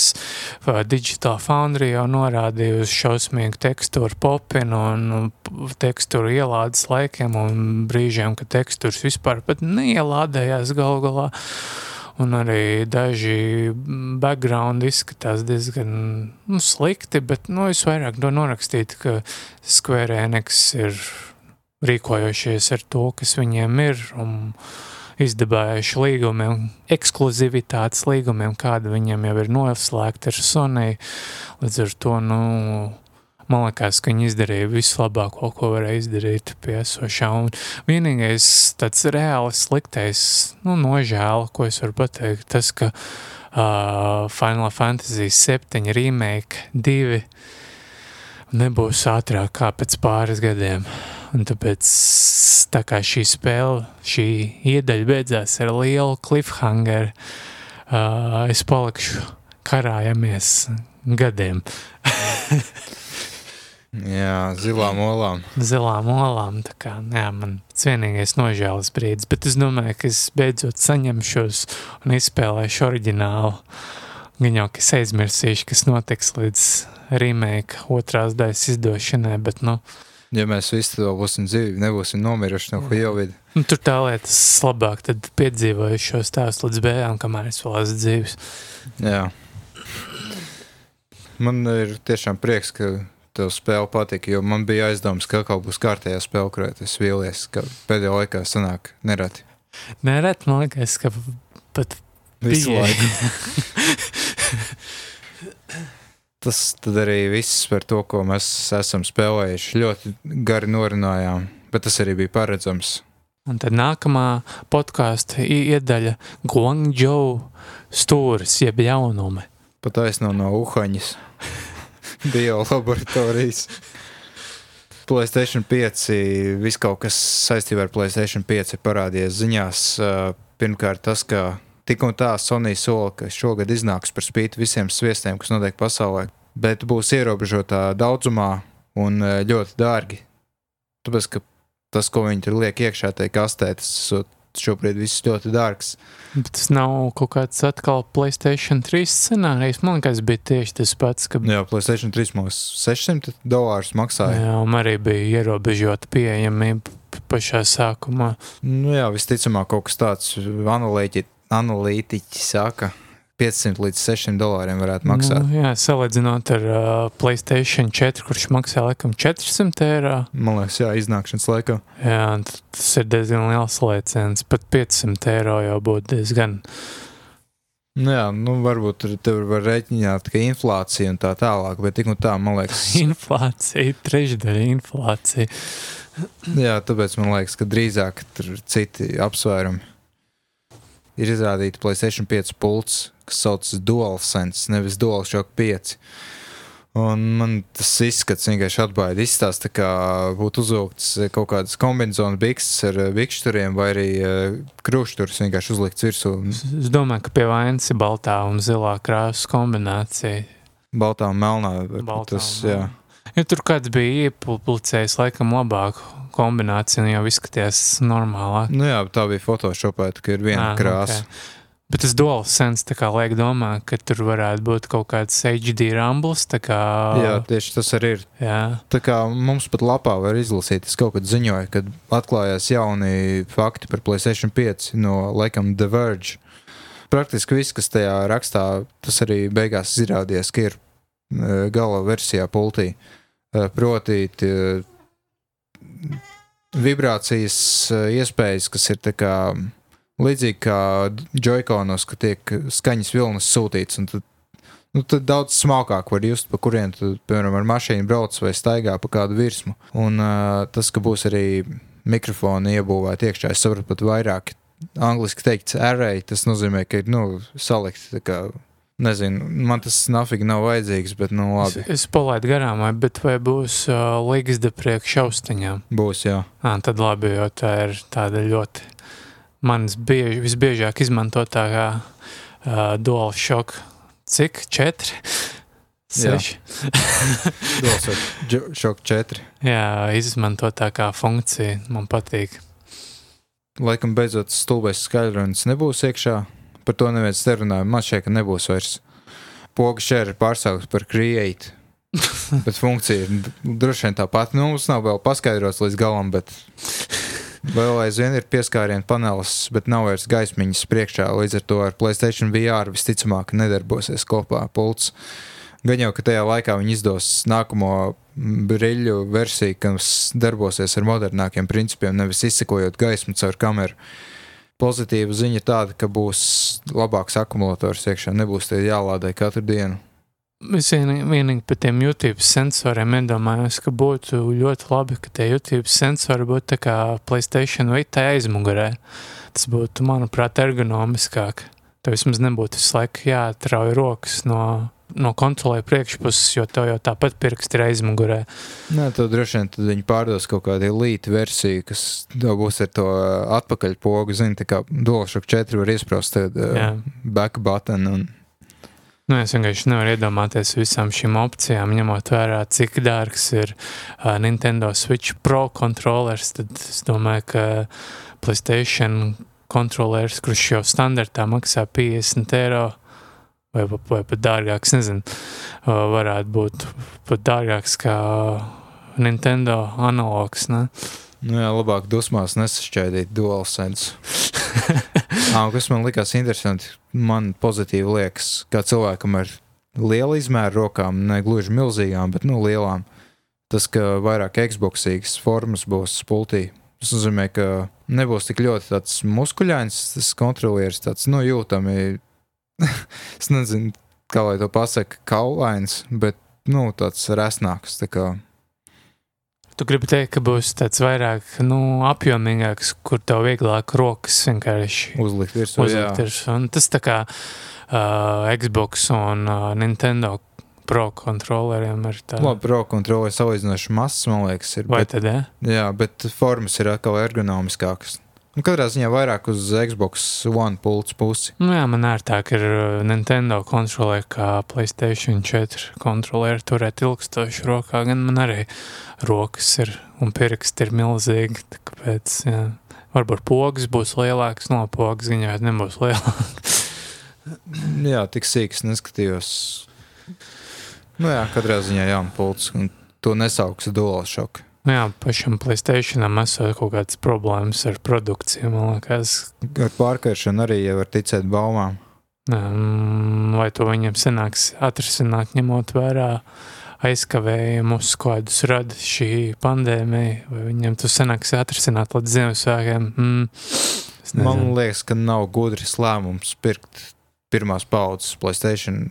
Ja vēl tagad baumo par pārkaršanas problēmām, kad tik nesenāk Xbox eh, 360 gadījums. Jā, bet ko tu darīsi? Gaidīsi kaut kādu slimu versiju, kas pēc diviem gadiem labākais iznāks. Nu, jā, arī fakts. Varbūt vienīgais viņi izdos kaut kādu revīziju. Jā. Jā. Visticamāk, tā kā Playstation 4 oriģinālajiem arī bija. Uh, man, diemžēl, viss bija pirmā vai otrā, bet bija tā D laikam versija, saucās D, un tur bija matēts, nevis spīdīgs, tas uh, cietā diska vāks. Un tā bija jūtami klusāka, energoefektīvāka un tā tālāk. Nu Jā, tas, ka, tas, kas tev bija, tas bija mans launch editions. Tā kā tam bija viss, viss izrietošais uh, pirmās revīzijas problēmas, arī cietā diska bojā ej galu galā. Jā, tas arī bija. Tad nākamais jaunums ir pārceltas un atceltas spēles, un Neking pat uztaisīja veselu sarakstu. Pats lielākais, droši vien skaļākais ir The Last of Us Part 2. Ir tā, ka Sony ne tikai pārcēla spēli, viņi vispār eh, atgrieza naudu visiem, kas bija digitāli iepriekš pasūtījuši. Nu Jā, viņi nepieļauj variantu, ka spēle tiek izdota tikai digitāli. Es pieļauju, ka tas ir tāpēc, ka ļoti daudz marketinga materiālos ieguldīts, vis kaut kāda kartona ir izgriezumi un tā tālāk. Nu, izlaist spēli tikai digitāli, tas būtu. Tas varētu būt pat nerentabli, laikam, ņemot vērā, cik dārgi izmaksā spēle uztaisīt. Bet bija plānots 29. maijā izdot, un tagad ir. Jā, Jā, es pat nezinu, nu, palielam, kāds ir iemesls. Gan arī jau nu, praktiski jau gatava spēle jau šajos apstākļos. Ja, man liekas, tas saistīts ar to, ka mārketings viss tas ir apdraudēts, un viss tā nozara, viņi nevar. Nu, tur Nezinu, fi- to mēs neuzzināsim. Nu, jā. Arī Sonija tagad ir tas, ka viņiem mainījusies vadība un viss kaut kas, viņi visu kaut ko dara citādāk tagad. Nezinu. Un Vēl arī uh, Iron Man VR ir tas pats liktenis, bet, nu, es nezinu, es pirmo reizi par to spēli dzirdēju, tā, kad pateicu, ka ir pārcelta. Es nezinu, kas ar Ghost of Tsushima šobrīd notiek, vai vēl aizvien ir 26. jūnijas, vai ne. Visticamāk, to arī pārcels. Nu jā, tur ir vesels saraksts, uh, žurnāla sadaļā Eking ir uztaisījis. Jā, es ceru, ka neaizkavēs vēlreiz Cyberpunk 2077. Tā ir mm, viena no man šī gada gaidītākajām spēlēm. Bet nu, viņi jau tur par spīti šitam visam jau tur izziņoja kaut kādus tur īpašos Xbox un miljonus eiro uh, Nvidia RTX 2080. Kas eBayā tiek tirgot par nenormālu summu. Tā kā, nu jā. Un tad ir uh, līdz ar to, tā kā ir viss šī, kā es to saucu, plāndēmija, viss šis fulfils notiek, tad viss kaut kādas spēles dod pa brīvu. Uh, konkrēti Sony iedeva Journey un uh, Nathan Drake, The Nathan Drake Collection. Abas spēles, kas man jau sen bija. Un vēl kaut kas, kaut, es šodien lasīju e-pasts atnācis no Bandai Namco, ka viņi Pac-Man kaut kādu dod Wow! Jā, Jā uz uh, Steam lietotājiem un PlayStation 4 un Xbox One. Es gribētu kaut ko no Nintendo, kaut ko bez maksas. Jā, interesanti ir Nintendo. Viņi ir spējīgi, tā kā, kad viņiem iet finansiāli struntīgi. Vadītāji ir gatavi sev atņemt uh, kaut kādus bonusus un samazināt algu, bet spēles pa brīvu nevar iedot. Jā. Jā, pikros iedod bez maksas. Jā, kaut kāda doktora Mario. kaut tā ir kaut kāda. Vienu mēnesi visiem to Nintendo Switch online bez maksas. Jā, tad varētu pamēģināt beidzot tās nespēlītas. Jā, es esmu tikai, jā, es tikai Mario Kart uzspēlēju pirmo. Likās pārsteidzoši ok. Es arī paspēlēju, bet man liekas, ka tas rubber bandings tajā spēlē ir šausmīgi jūtams. Jā, tas, tas gan. Tas, ka grūti navigēt, ka tev viss, viss būtībā ir plakana zeme. Nu jā, tur tā vispār tā līkuma izņemšana kaut kāda nenormāla Mm. mūsdienu standarta. Nu jā, tad būs eh, pirmā kraisis, būs tiks remasterēta, Wow! ieskaitot uz Switch. Un uh, būs arī kaut kāds software, ray tracing efekts, bet droši vien ne Switch lietotājiem. Bet ir diezgan loģiski, ka arī portatīvā konsole dabūs, jo viena krāja engine spēle jau ir uz Switch. Ja nemaldos, Warframe, tas free to play kaut kāds šaujam gabals. Jā, bet es nesaprotu šīs spēles jēga remasterēt. Nu, Nu, jā, nu, pirmā versija ir slikti optimizēta. Tikai vienu kodolu izmanto procesoram, kaut kas tamlīdzīgs. Tāpēc nu, īsti nevelk nu, datoru. tā pat spēle nav laba pati par sevi. Jā, tas ir nākamais jautājums, vai ir vērts vispār. Tas ir tā kā remasterēt Far Cry pirmo laikam. Tas vispār, nu, nu jebkurš Far Cry, kas pēc tam nācis, ir daudz labāks. Izņemot otrais, es nezinu, man ļoti nepatīk otrais. Tur varēja dabūt malāriju un nomirt. Jā, Un uh, nevienam laikam nepatīk GeForce Now, kas ir Nvidia straumēšanas pakalpojums. izņemot, man liekas, Ubisoft. Jā, un vēl laikam arī apņēmās atbalstīt. Šodien skatījos sitequest.lv ziņu dēli. Ka- Kas bija pēdējais jaunākais, kas izņēma savas spēles? Kaut kāds indija izdevējs, Clay Entertainment, un Jā, vēl bija kaut kas bet es nebiju, nē, tas jau sen bija, vai ne? Mhm. Man šķiet, ka jā. Jo GeForce Now plus ir tāds, ka atšķirībā no Stadia vai vēl kaut kā ir. Jūs samaksājat, bet jūs varat spēlēt tās spēles, kas jums jau ir Steam bibliotekā vai GOG. Jums nav jāpērk vēlreiz, kas ir pilnīgs absurds. Es nezinu, vai Latvijā vispār šāds servis ir rentabls kā jo mums jau tie serveri tuvākie ir kaut kādā Zviedrijā gaņā. Mums ir labs internets, soties tā, ka nu, tas kaut kā kompensē mēs šeit to visu. Jā, bet man ga- galīgi kaut kā baigi šis pakalpojums bojāja nedz izbrīna, nedz arī baigi uztrauc, jo, manuprāt, tas nav, nav, nav, nav, nav nākotne. Es negribu, lai tā būtu nākotne, ka ne. ir kaut kāda lagojoša, neusticams spēļu servis, kur var jebkurā brīdī pazust un visas tavas spēles līdz ar to.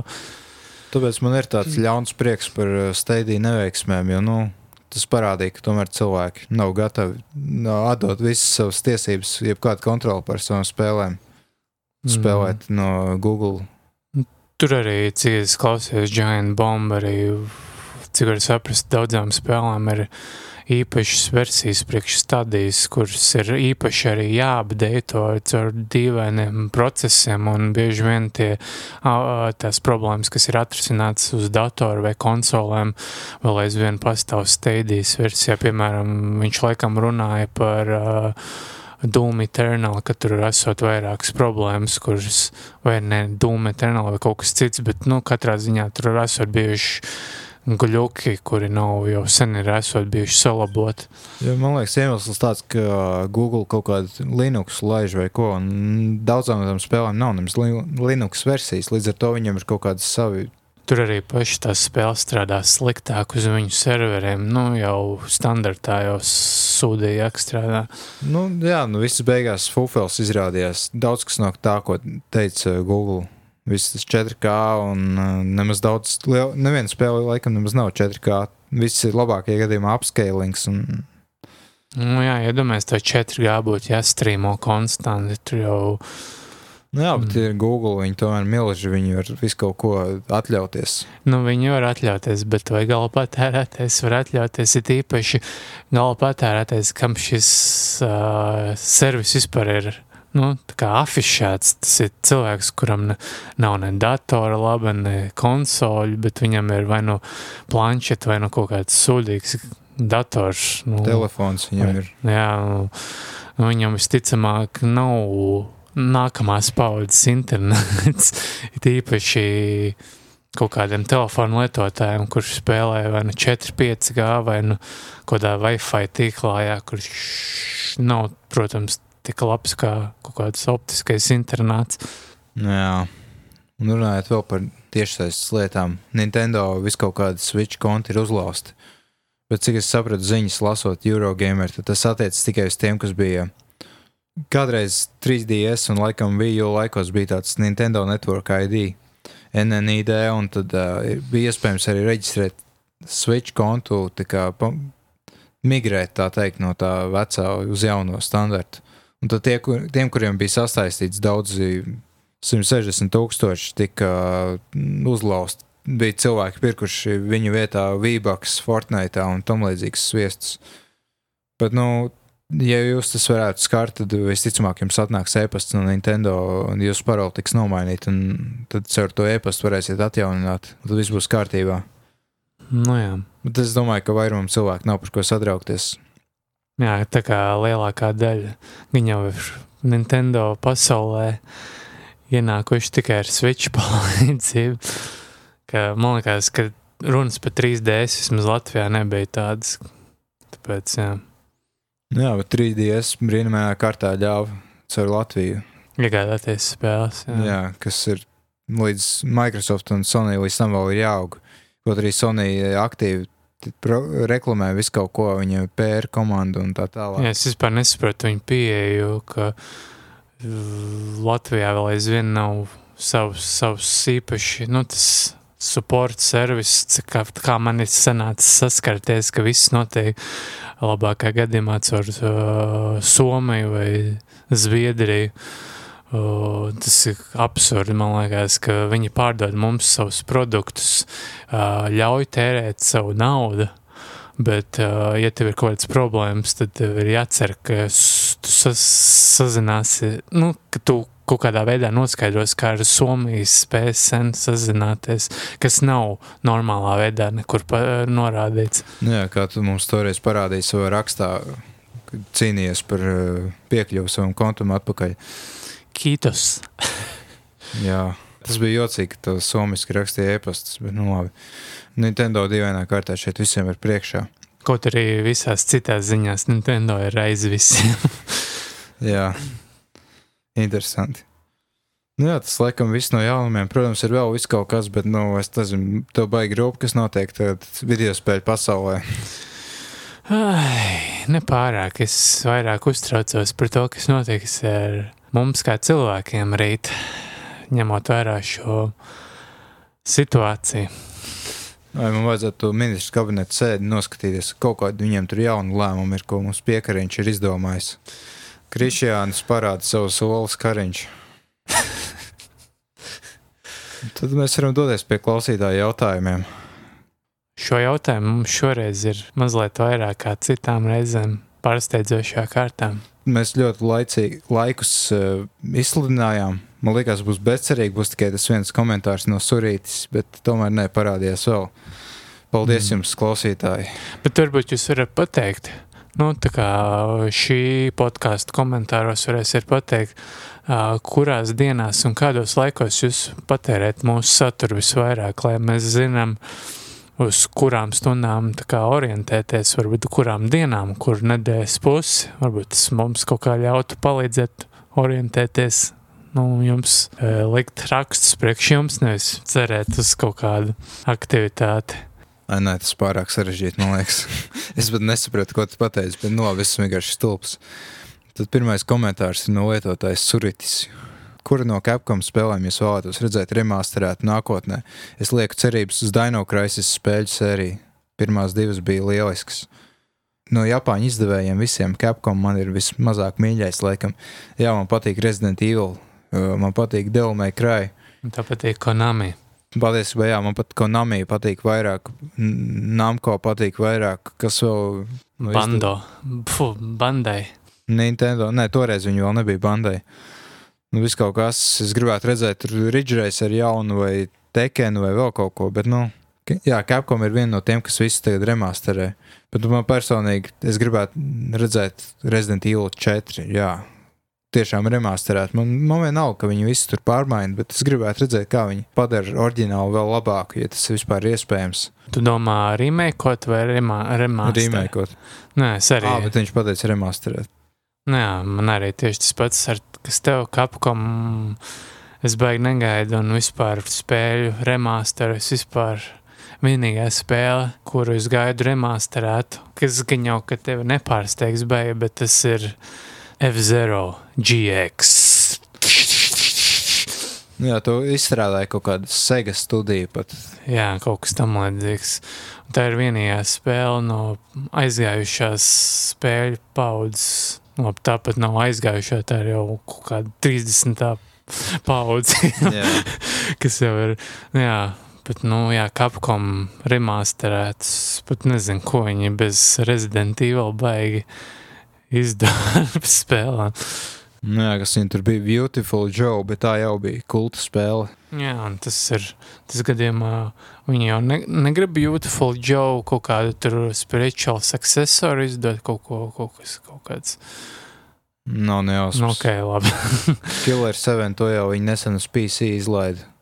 Tā ka tas jau ir remasters, uzskatīsim tā. Tur jau nebija ko remasterēt. Mm. būtībā vektora grafika. Nu, jā, bet eh, jautājums labs. Es pats neesmu spēlējis Dino Crisis. Es esmu dzirdējis, ka tas tikai Resident Evil, bet ar dinozauriem zombiju vietā. Bet arī ar visu to tanku vadību un kameras leņķiem fiksētajiem. Es nezinu, cik tas varētu būt jautri spēlēt šodien.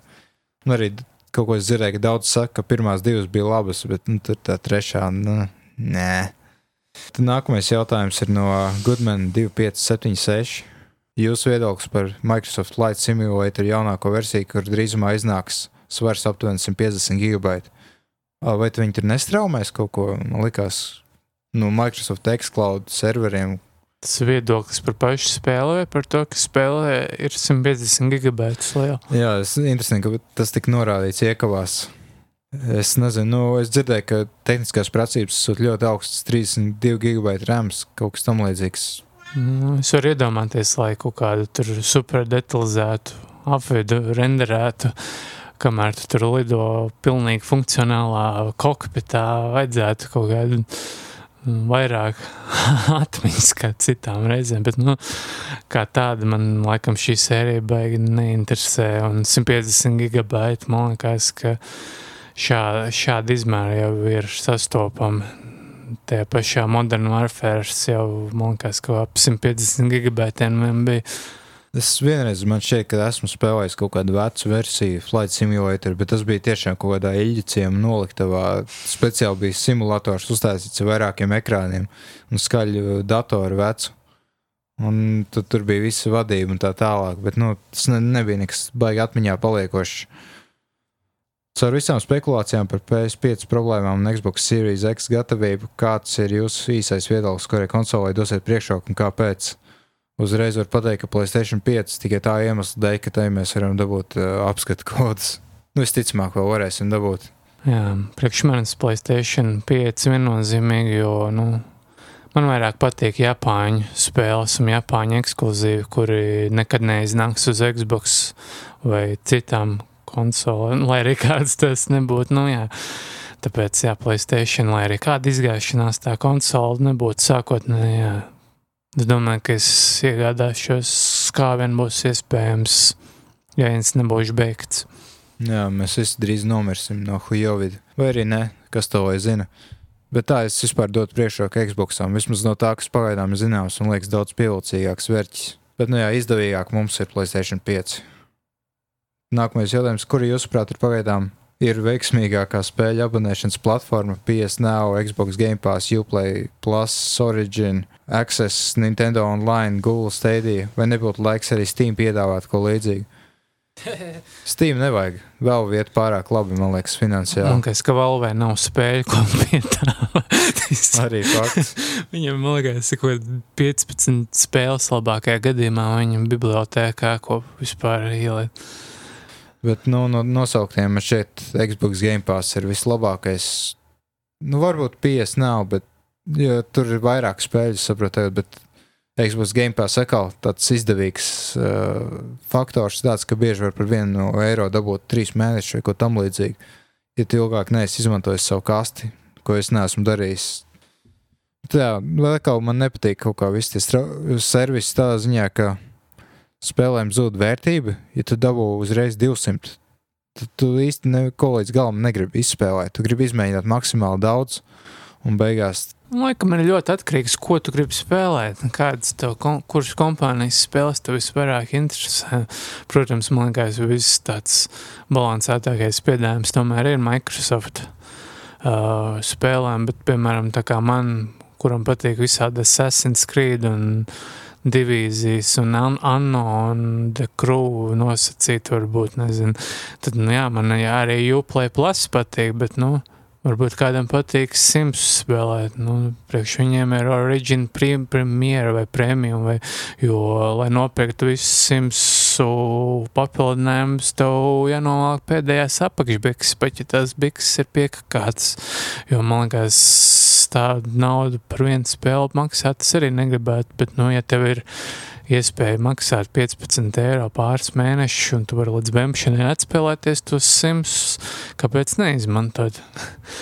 Jā, man liekas, Playstation nav vispār no citas operas, jo tas tomēr ir Google Stadia līmenis, jo tu tāpat straumē spēles, un tur ir vairāk, man liekas, tieši Playstation konsolēm.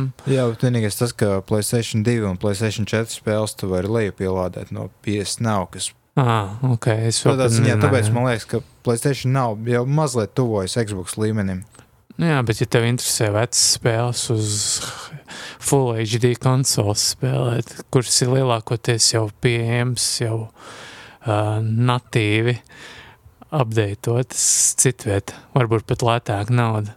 Nezinu. Nezinu, nezinu, nezinu. Es teiktu, ka labākais ir jā, Microsoft tāds nu, kopumā objektīvi vērtējot. Nākamais jautājums ir no Mareka.